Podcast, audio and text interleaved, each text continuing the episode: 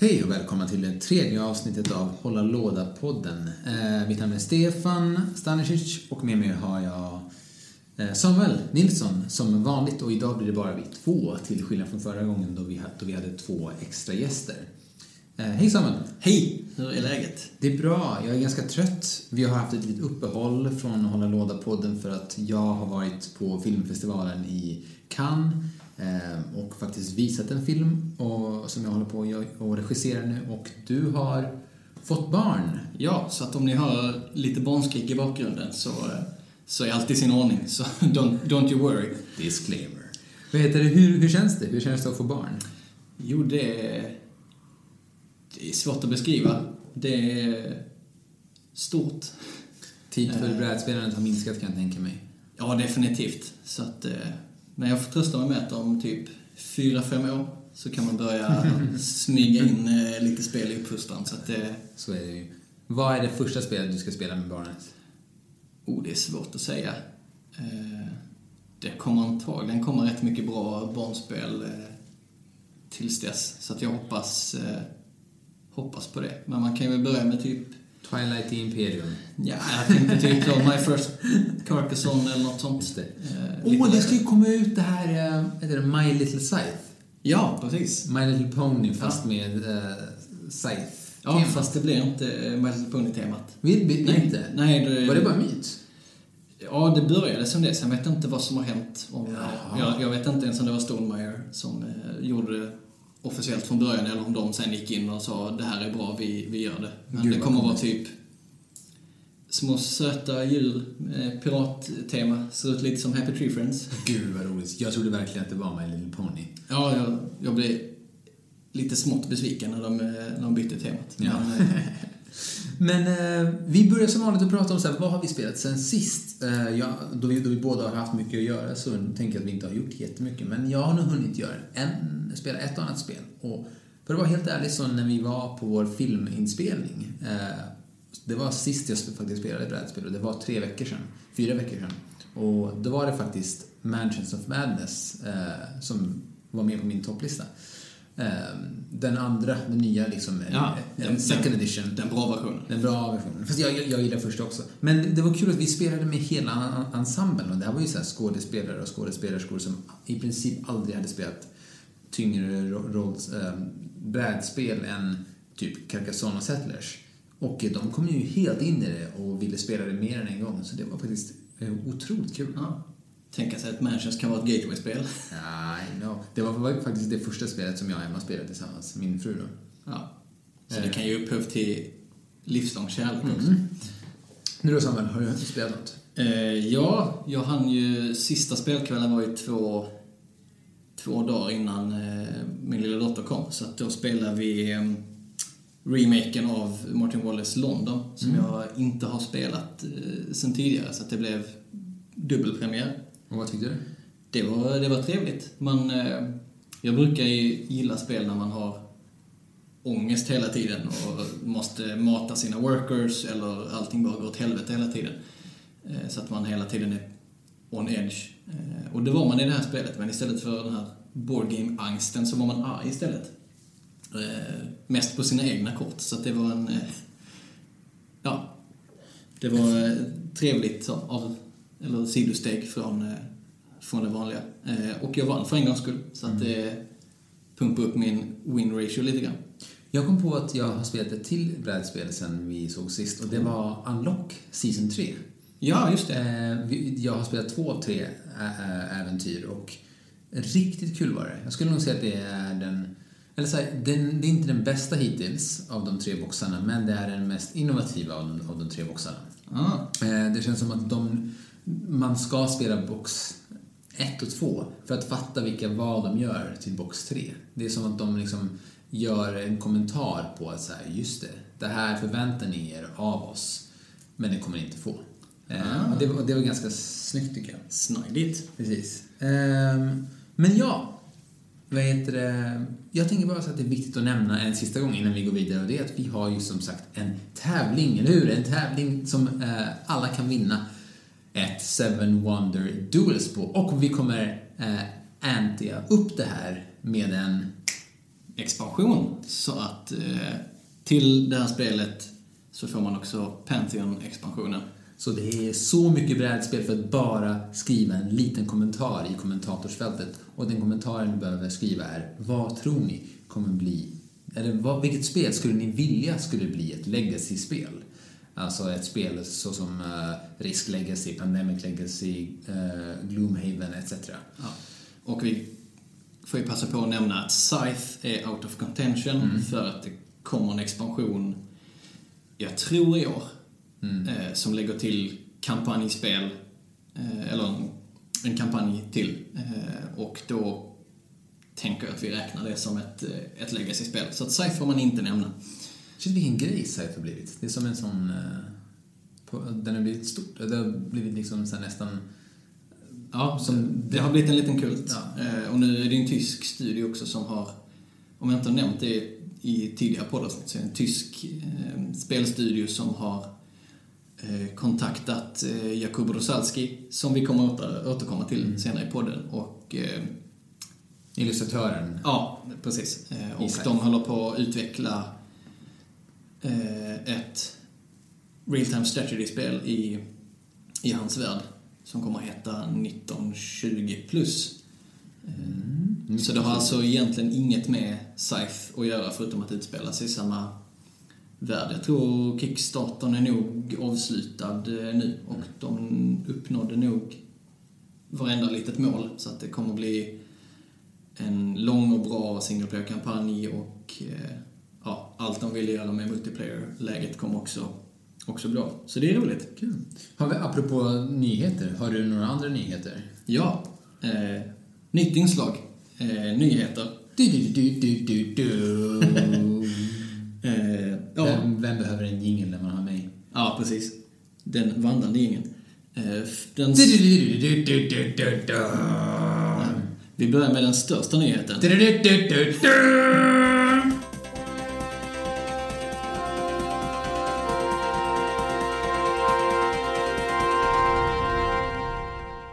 För mig i alla fall. Och det är alltså eh, att eh, Lookout Spille eh, annonserade på sin sida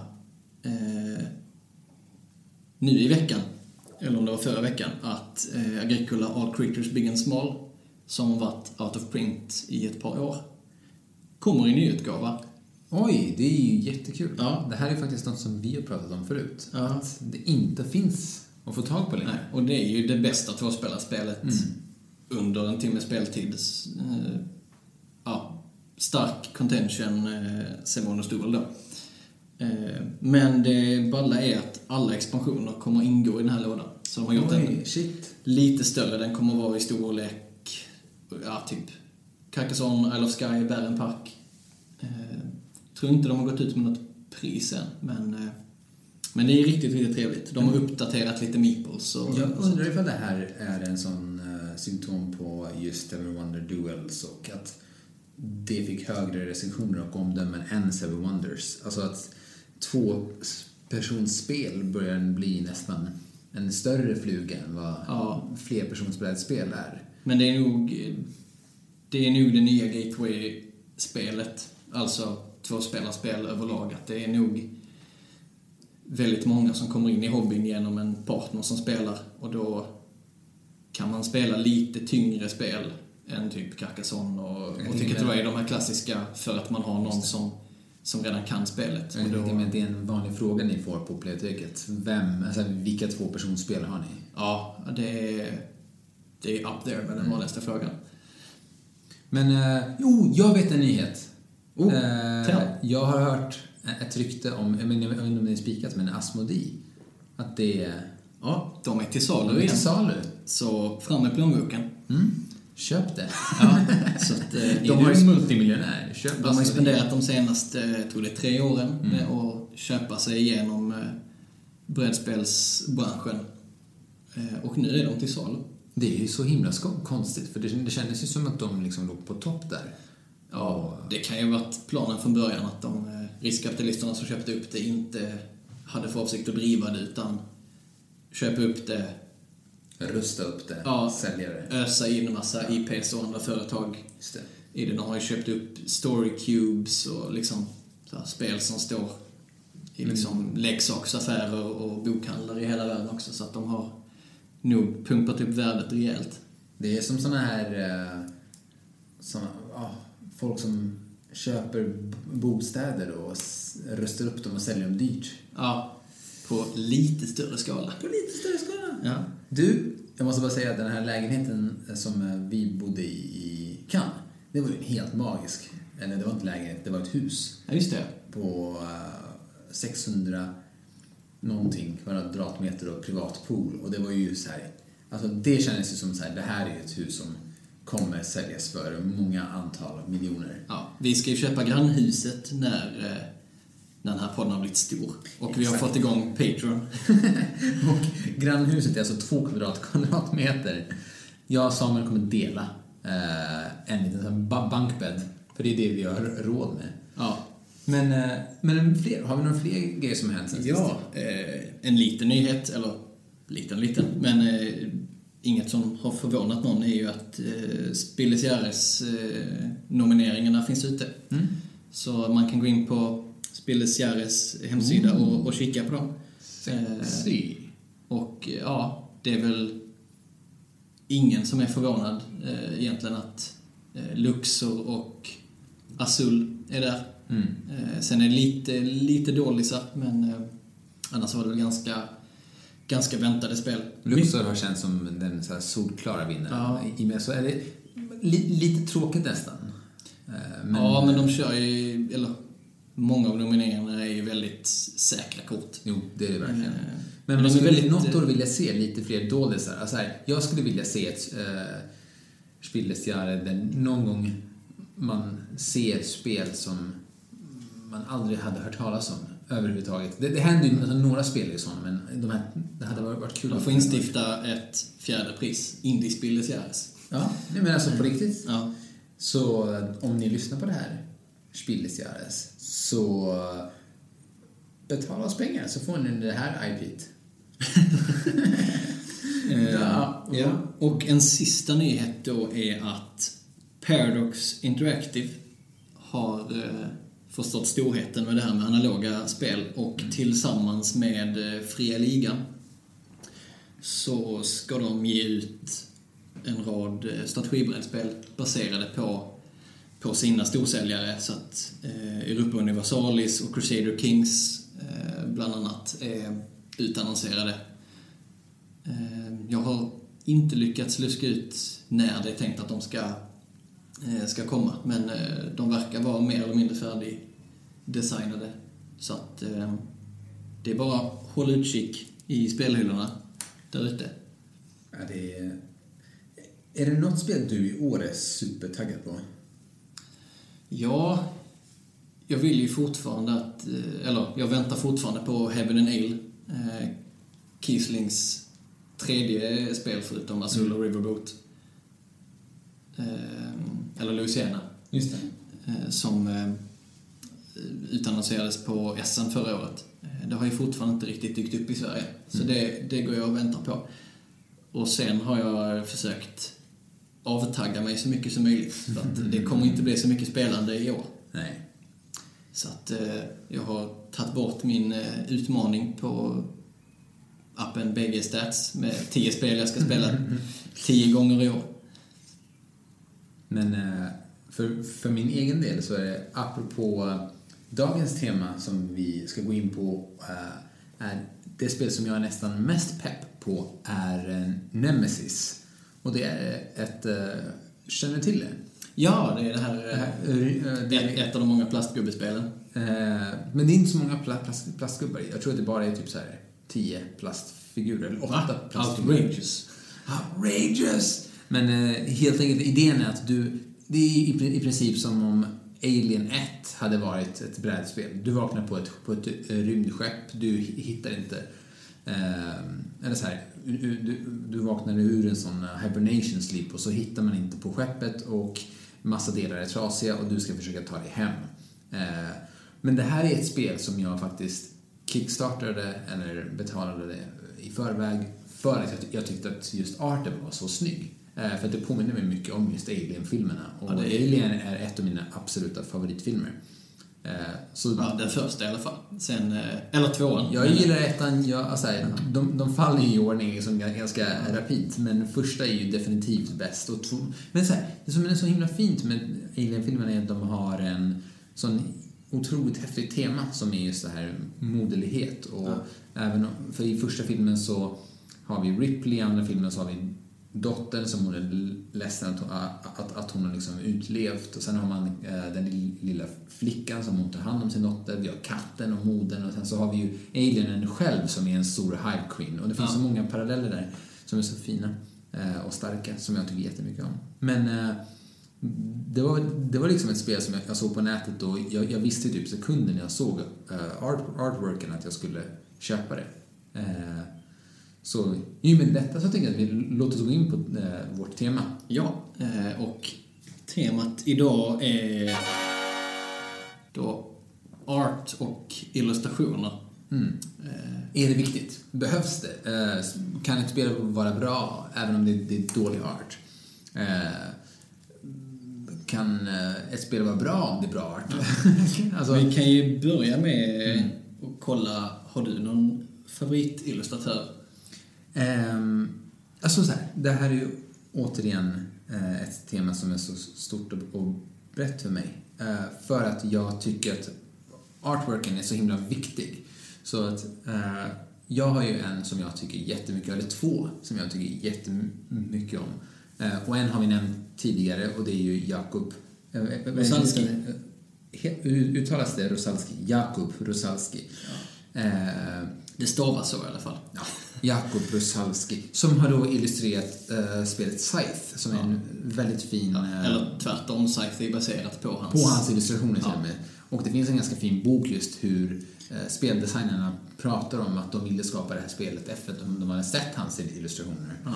Ehm, och jag tycker nog att här, det är den enda boken om ett spels artwork som jag faktiskt har läst igenom och, och suttit och tittat på bilderna och faktiskt skulle kunna tänka mig att ha artworken på min vägg hemma för, att jag, för att jag tycker det är så sjukt vackert och snyggt. Eh, och det är någon, någon, någon, liksom, stilen är ju mecka möter, eh, alltså mecka robotar möter eh, postsovjetunionskt eh, liksom, Ja, det är någon sorts fiktivt 20-tal. Ja, precis. Om Sovjetunionen inte hade liksom dött ut. Så, Ja. så det är en blandning av posta... Här, jag vet inte. Ja, Steampunk. Någon sorts och, pre-apokalyps. ja. eh, Men, men det är ju hur som helst väldigt vackert. Eh, däremot så finns det ju lite kontrover kontroverser kring Mr Jakob själv. Ja, Eh, det finns en lång eh, eh, tråd på Reddit eh, när folk har eh, letat upp eh, bilder som då är, uppenbarligen är, är trackade så att delar, inte hela, utan delar av eh, motiven då är liksom nästan direkt kopierade från eh, andra bilder. Så att det är typ eh, tigern som den här karaktären jag aldrig kommer ihåg eh, vad den heter eh, har bredvid sig. Går liksom att hitta eh, och det är ett fotografi och det finns lite andra, andra grejer som är eh, så semi-stul eller vad man ska säga. Eh, så det är lite, lite kontroversiellt men eh, ja, det är många illustratörer som jobbar med en förlaga eh, som de sen gör om lite så att Men alltså, så här, jag, jag tycker bara att det är så himla... Ibland kan det bara bli så, så mycket tjafs för så, så lite. Det är så dumt att det blev liksom... Så här, ja, visst, han behövde få lite idéer. Eh, ja. Men eh, han har ju fortfarande gjort helt fantastiska Ja, det, liksom. det, antagligen så är ju den absoluta majoriteten av, eh, av bilderna liksom helt hans eget huvud. Så att, ja, vi kanske inte ska lägga oss i debatten helt enkelt. Nej, precis. Utan vi stannar med att säga att jag gillar honom. Ja, Eh, och, sen, och sen så finns det ett, ett annat spel som heter Dixit. Som eh, Marie, hur uttalas hennes efternamn? Eh, Car, car, car, Cardois, Car, Cardois. du har nyss varit i Frankrike och kan inte uttala det här. Oh, förlåt, hon, det, det uttalas Marie Cardois. Cardu. Perfekt. Carrie. Marie. Okej, fuck it. Eh, jag, jag tycker att hon gör supersurrealistiska, abstrakta bilder som jag närmast skulle kunna förklara är något som skulle kunna dyka upp i mina drömmar.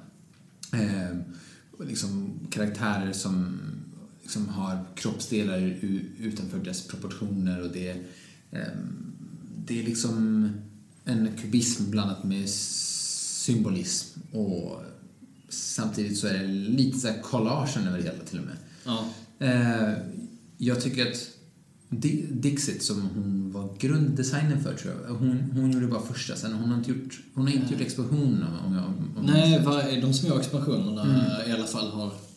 Eh, Olika artister gjort. ja, Ja. någon, någon tror jag till och med har två stycken som har co- co-artat. Just det. Eller vad man säger. Eh, och, men alltså, Dixit, första Dixit är helt jäkla makalös. Ja, är- jag, jag tycker det är så otroligt sanslöst fin artwork.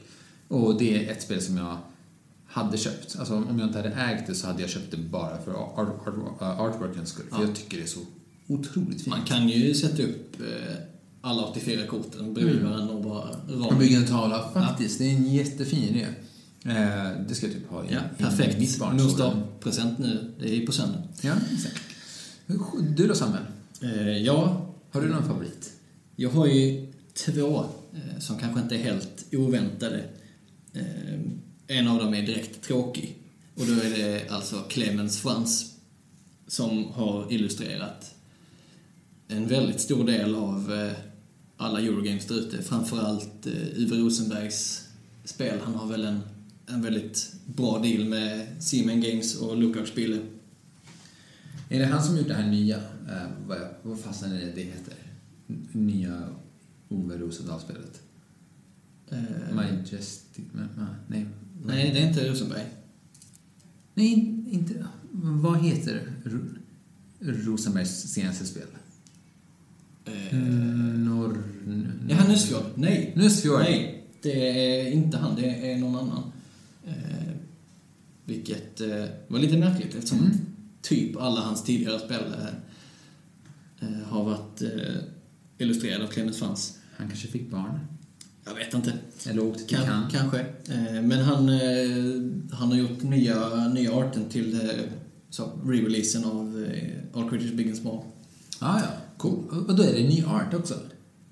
Det är ny art på framsidan, tror jag. Och Eller det här är ett tema som vi måste återkoppla till, just boxart. Men Ja. fortsätt nu.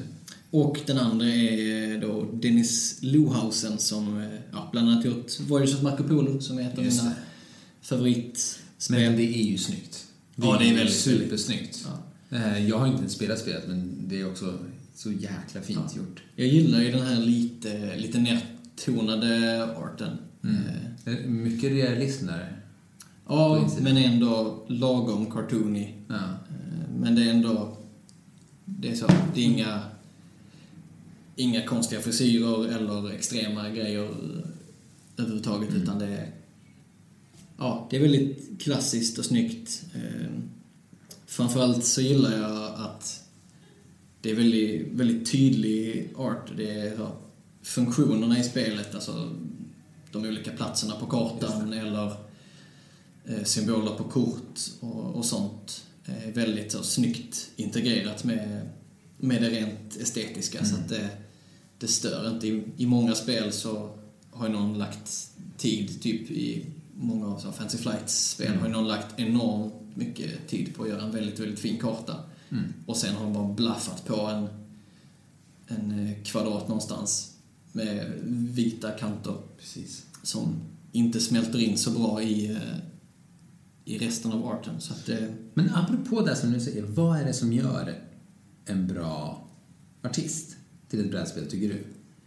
ja, framför allt...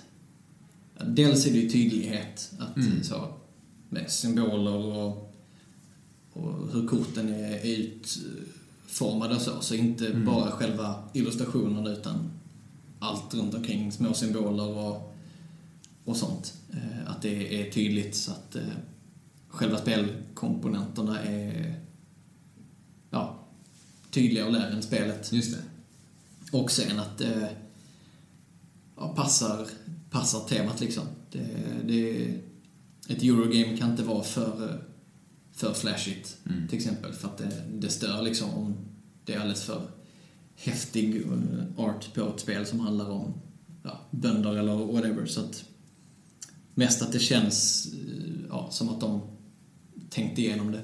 Hmm. För mig tror jag att det är nästan mest att det ska kännas... Um, nu använder- nu använder jag ordet jag hatar igen, men... Alltså så här, immersive. Att det känns som att bilderna liksom suger in dig i världen. Att du känner att du... Jag gillar att känna att jag är en del av eh, brädspelet som jag spelar. Eh, vare sig jag har mina e- egna karaktärer eller om kartan är väldigt noggrant och fint detaljerat gjord. Jag tycker det är jätteviktigt att det inte blir så här för plottrigt. Det är så många brädspel som jag har spelat som är så här, i sig ganska bra spel, men själva designen och artworken är så här plottrig och ganska eh, svår att tyda, vilket Ja. gör att jag tappar fokus. Twilight eh, Struggle är ett sånt exempel för mig. Jag vet att det är ett, helt, alltså det är ett grymt spel, Ja, det är ett fantastiskt spel. Men, och, och, och det, det är snygg artwork, men det är för plottrigt och jag tycker inte att det håller i, i det stora hela, för jag, jag blir liksom lite förvirrad. Ja. Ehm, Ja, GMT Games är ju inte kända för eh, Nej. att lägga så mycket tid på, på arten. nej, och, Eh, De lägger ju allt fokus på, eller det vet jag inte, men det känns som att de lägger allt fokus på liksom att speltesta det en miljard timmar istället Mm, för att precis. det ska vara snyggt. De tycker ju om brunt och beige och precis. tråkiga, rena färger. Ehm, De har gjort ett par spel som är riktigt, riktigt eh, snygga. Typ Thunder Alley är väldigt... eh, Jo, det är snyggt. Det är jättesnyggt. Ja. Men fortfarande, det är ganska plottrigt också. Ja, ja det stämmer. Men eh, där har de ändå så lagt ner tid på att göra den snygg. Mm. Banan är snygg. Eh, De har till och med målat ut liksom en liten eh, mitten av banan och det händer saker. Mm. Till skillnad från deras typ krigsspel som mest är små fyrkanter Ja. med, med färger och siffror. Men, men det är där uh, artworken och illustrationen blir så otroligt viktiga för mig. När man liksom lyckas kombinera de två elementen. För alltså, jag vet inte, när vi skapar film så räcker det inte med att ba- bara ha bra bild. Vi behöver ha bra ljud också. Ja, Och det tänker jag är en så stor del av ett bra brädspel. Det är inte bara att ha bra spelelement. Jag tycker att artworken ska vara lika bra. Ehm, ja. Jag är inte lika kinkig, eller arten måste inte suga in mig. Eh, Det finns ju många spel jag tycker är bra som är, är ganska fula. mm. Och, eller så, de är inte slarvigt illustrerade, Mm. men inte särskilt eh, dekorativa. Nej. Men det beror också mycket på, på spelen. När man spelar eh, så, upplevelsespel, typ Time Stories, Arkham Horror the Card Game eller Mm. Mansion of Madness för den delen, så är ju arten en, en viktig del av eskapismen. Man behöver ju någonting eh, för ögat för att kunna stänga ut världen runt omkring. Men när jag spelade Eurogames så är det inte lika viktigt. Då sitter jag mest och, och räknar i huvudet, så då, då stänger man ut eh, världen runt omkring ändå. Men, men, men jag tror inte att det ena behöver utesluta det andra. Så jag, menar inte, jag menar inte heller att, så här, att det ska vara en sån... Så här, artworken ska vara en sån eskapistisk idyll eller utopi. Men snarare så att det ska vara en... Alltså att det också måste vara välgjort när det är ett Eurogame också. Alltså Ja. att det, det behöver suga in mig för att så här, jag ska sitta där och räkna mina kuber, pengar, eh, säd, eh, metall, trän, alltså allt liksom man gör. Och för, och för att vilja göra det så kräver jag av ett bra brädspel att det faktiskt också har, har lagt ner tid för mitt öga. För att jag ska så här, få koll i min hjärna på vad jag, vad jag håller på och, och samla och, och fixa Ja. med. Eh, och då, det behöver inte vara snyggt, men det behöver ha en idé.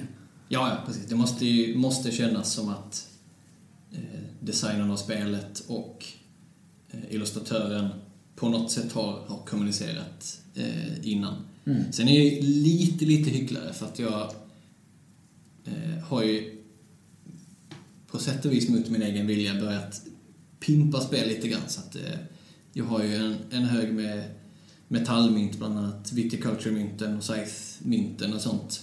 För att liksom blinga upp vissa spel.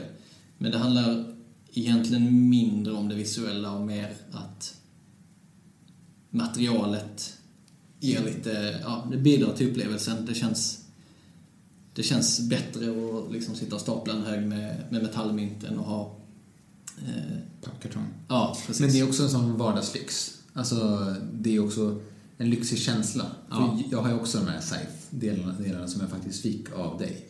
Eh, Ja, just det, med eh, Realistic Resources. Precis. Och, och så köpte jag mynten just för att jag tycker det är så Ja. jäkla fint.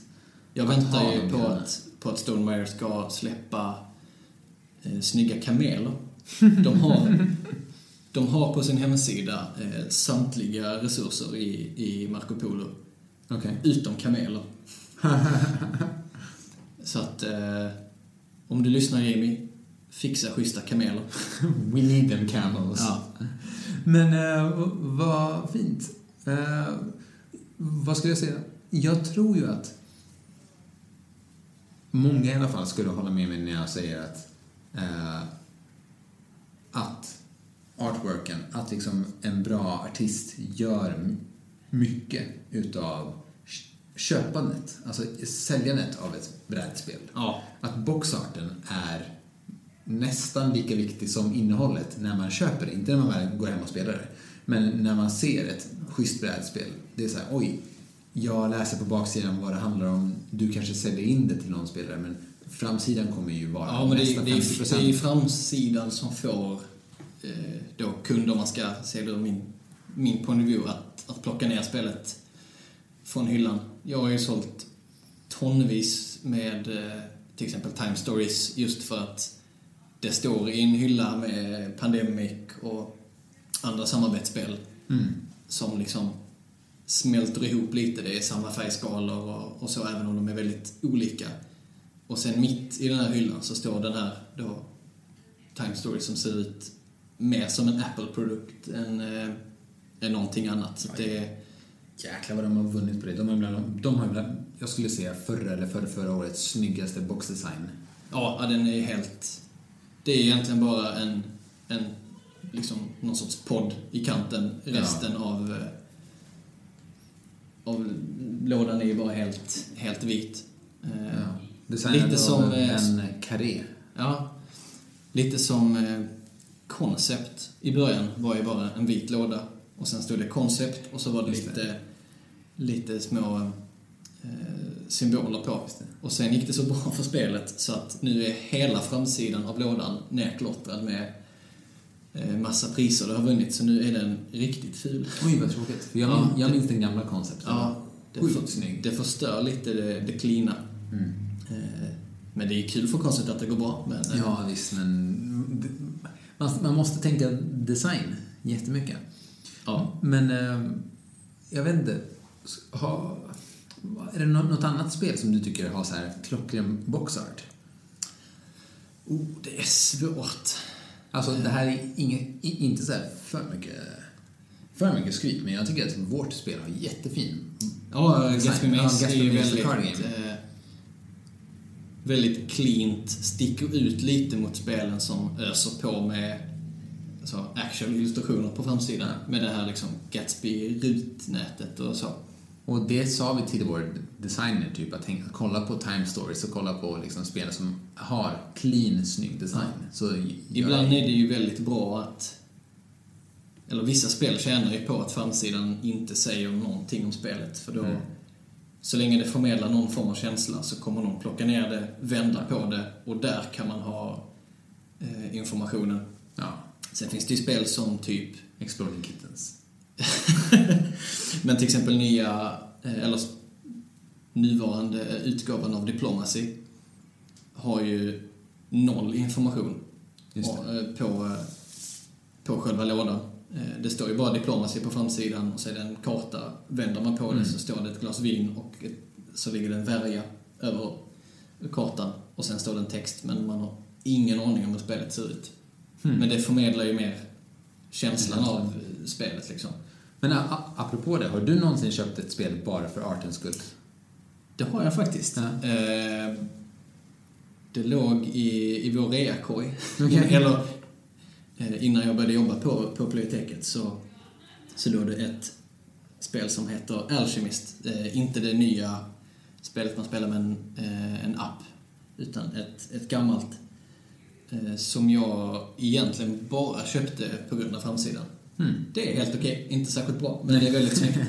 Eh, som illustrerat av eh, Folkan Baga som eh, han försöker liksom återskapa någon sorts eh, så, renässansart, så det är väldigt likt gamla kunga Just och och så. Mycket, jobbar mycket med så, glans i metall och, och sånt. Mm. Eh, Så på framsidan så står det eh, en gammal alkemist och rör i någon sorts eh, kittel.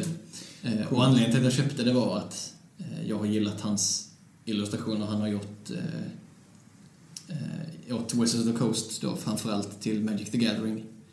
Det är han som har gjort Mox Opal och Ja, det är väl det är den- väldigt snygga bilder. Ja, det är väl det, det kändaste Ja. kortet han har gjort. Har du gjort det? Vad sa du? Har du köpt ett spel bara? Ja, men jag sa det tidigare, det var ju Ja, just det. Nemesis. Eh, sen, så, sen Time Stories blev jag ju rekommenderad, men jag hade nog köpt den då bara för, liksom för, den, för den fina artwork, artworkens skull. Men jag hänger ju mycket med folk som köper spel bara utifrån hur, hur de se- ser ut. Eh, vi köpte, vi, jo vänta, vi köpte något åt, eh, jag, jag, jag ska vara helt ärlig och säga att jag minns inte vad, vad det heter, men när vi höll på att designa Gatsby Maze så hittade vi ett eh, brädspel som hade lite sån 20-tals art deco-stil. Och då köpte vi det, bara för att eh, se hur inne, innehållet var. Det var ett meh, dåligt spel. Eh, sen har ju jag vänner som köper spel för att det är ett visst tema. Typ såhär Game of Thrones-spel, Star Wars-spel. Ja. Eh, men det har ju mindre att göra med artisterna, utan snarare med liksom IP att göra. Ja. Ehm, Så de hade ju köpt vad det än var med Game of Thrones-tema. Ehm, Jag kommer nog göra det igen. Alltså jag lovar ju att så fort jag ser ett, ett spel med snygg art och som jag känner wow det här är något som jag liksom känner starkt för, då, då, kommer jag, då kommer jag köpa det. Det är ju som så här, i, i, ett, ett bra exempel är som en Magic-kort är jag köper ju vissa Magic-kort bara för att det är till exempel Therese Nilsen som har designat Ja, dem. jag har ju samlat på hennes eh, kort innan jag gav upp Ja. efter ett tag. Men jag hade ju en hög bara med hennes... Ja. eh, Designar hon några spel också? Eller kör hon bara Magic? Hon har gjort illustrationerna till ett spel som heter Seventh Sea, tror jag. Okej. Eller Seventh Age. Jag kommer inte ihåg vad det heter, men jag för mig att det är något eh, rollspel med lite eh, så, pirat, medelhavs eh, Okej. Tema. Cool. Ja. Men eh, i, i det stora hela, är det viktigt med artwork? Ja, det är väl det. Eh, eller det är det. Ja. På, det- på olika sätt, olika spel är olika beroende av, av arten. Men det viktiga är väl att den är, säger någonting om, om spelet. Eh, Jag till exempel, eh, som jag nämnde i, för något avsnitt sen, spelade spelet Santa Maria Just det. som är ett jättebra och trevligt spel, men där arten är väldigt plottrig. Så det utspelar sig liksom under någon sorts conquistador-tid. Mm. Just det. Eh, och, men eh, vinstpoängen är små rosa glada ansikten som inte har med någonting att göra. Eh, det är små, små arbetare på brickorna man lägger Mm. ut som har vit skjorta och hängslen och mest ser ut som så, några italienska busar från Hell's Kitchen. Men tar det udden av spelet, tycker du? Eh, nej, egentligen inte. Man stör sig lite på det Mm. och undrar varför.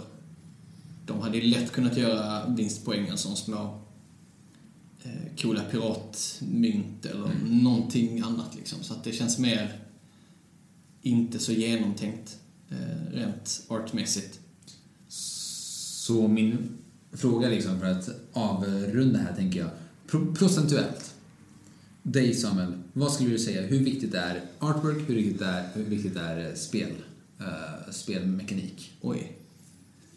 Ja, jag får väl sätta 30% på arten eftersom Mm. de flesta spel jag spelar eh, då påverkas inte gameplay så mycket av hur arten ser ut. Så länge den är liksom tydlig eh, och inte är förvirrande så, eh, så är det ganska lugnt. Mm. Den behöver inte vara jättevacker för att jag ska tycka om ett spel. Sen, eh, sen gör den ju mycket till, typ Photosynthesis är ett helt okej spel. Men där arten och den här 3D-miljön man spelar i liksom lägger till det där lilla extra så att man tycker att det är väldigt mysigt. Just det. Så att, ja, 30-70. 30-70. Mm. Du då? Eh, jag ligger på en annan nivå. Jag skulle nog säga 50-50.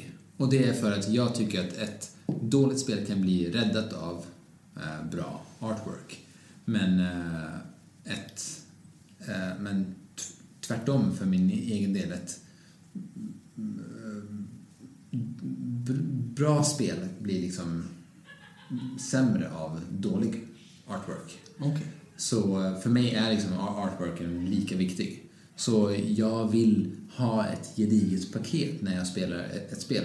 Och återigen, det här handlar inte om att det ska vara så här vackert eller så. Det handlar bara om att det ska vara eh, att, det ska vara genomgående, att det ska vara uttänkt, att det ska ha ett, eh, ett estetiskt tilldragande liksom, eh, attribut. Och så länge det har det så är jag nöjd. Och att det ska vara oplottrigt och liksom, okej det var ganska många punkter jag, jag ville ha här. Ja. Men, men fortfarande, man pröjsar ändå typ en 500 600 spänn för ett brädspel. Ja. Då, och om jag då fick välja så är det här är ju min dröm. Eh, bra, är det något, något mer du tänker att vi ska gå igenom? Ja, Men- just det. Jag passar på att nämna en liten bubblare i min topplista Ja, över det. illustratörer. Eh, Erik Sabé som eh, då främst eh, illustrerat Ascension. Just för att hans Just det, Art, precis eh, in det. Sjukt ja. snyggt. Det är så här lite scratchboard-aktigt. Det ser liksom ut som att han har Mm. skrapat eh, fram sina illustrationer ur en, ur en metallplatta. Eh, och där bidrar ju spelet inte med så mycket feeling till, till spelets tema utan mer att det, det blir väldigt unikt och distinkt så att man, man känner igen det. Ja. Alltså, Patchwork är ett spel där arten faktiskt ger något till spelet. Det är så här, Ja, där den det, faktiskt är en det del är en av... del av spelet. Ja, Så det är så här, det borde jag ha tänkt på innan. Det är fint när arten, en del av artworken blir en del av spelet. Det tycker jag är häftigt när de lyckas få den synergin. Ja, just det. Det finns en del, en del spel där det är, är viktigt. Pictionary. Ja. Mansion of Madness när man faktiskt så, och ja, Last Night on Earth och spelen när man faktiskt går runt på en karta och eh, utforskar grejer och då är det viktigt att Ja, fast med, Patchwork så är det också att du använder själva illustrationerna för att skapa nya saker. Medan i Mansions och sånt, det är ju mer att det är, det, det är en Ja. snygg karta. Det hade ju teoret, teoretiskt sett bara kunnat vara en svartvit bild. Eh, och så fick man så komma på grejer själv.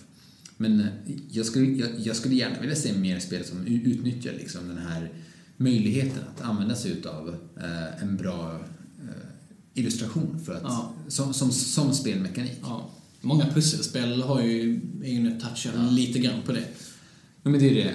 Eh, Exit gör mycket det. Unlock Ja, gör är det. Exit är- Visst, det, det är ett bra exempel. Exit kommer på svenska. Gör det det? Ja, det har precis eh, börjat trilla ut i butiker eh, typ nu. Coolt. Årets julklapp. Kanske. Kanske. Det var, eh, sålde bra förra julen. Så, att, eh, så de första tre har kommit nu Hmm. på, på svenska. Så att det, främst ska det bli spännande att se hur de har lyckats då göra om de här ledtrådarna som mycket är, är så, ordmärkeri och så. Det finns ju Mm. ja, många kort som så refererar till någonting eh, där då ett visst ord betyder någonting annat. Just och då ska man förstå det och börja leta ledtråd på Ja. ett annat ställe och hur de lyckas då få till det på svenska. Ja, men det är ju översättningen. Det är, det, det är ett annat tema. fa- faktiskt, som vi borde prata om också. Ja. Över, översättningar kan ju både fixa och förstöra ett spel. Så. Ja, Men, framtida eh, tema. Ja, precis. Men ehm, vad, vad säger du? Ska vi avrunda här? Det kan vi göra. Då, näm- då passar jag på att nämna en gång till. Kom ihåg tävlingen. Skriv till oss. Vad tror ni, eh, eller vad skulle bli det bästa Legacy-spelet i framtiden? Så kan ni vinna det fetaste priset i världen.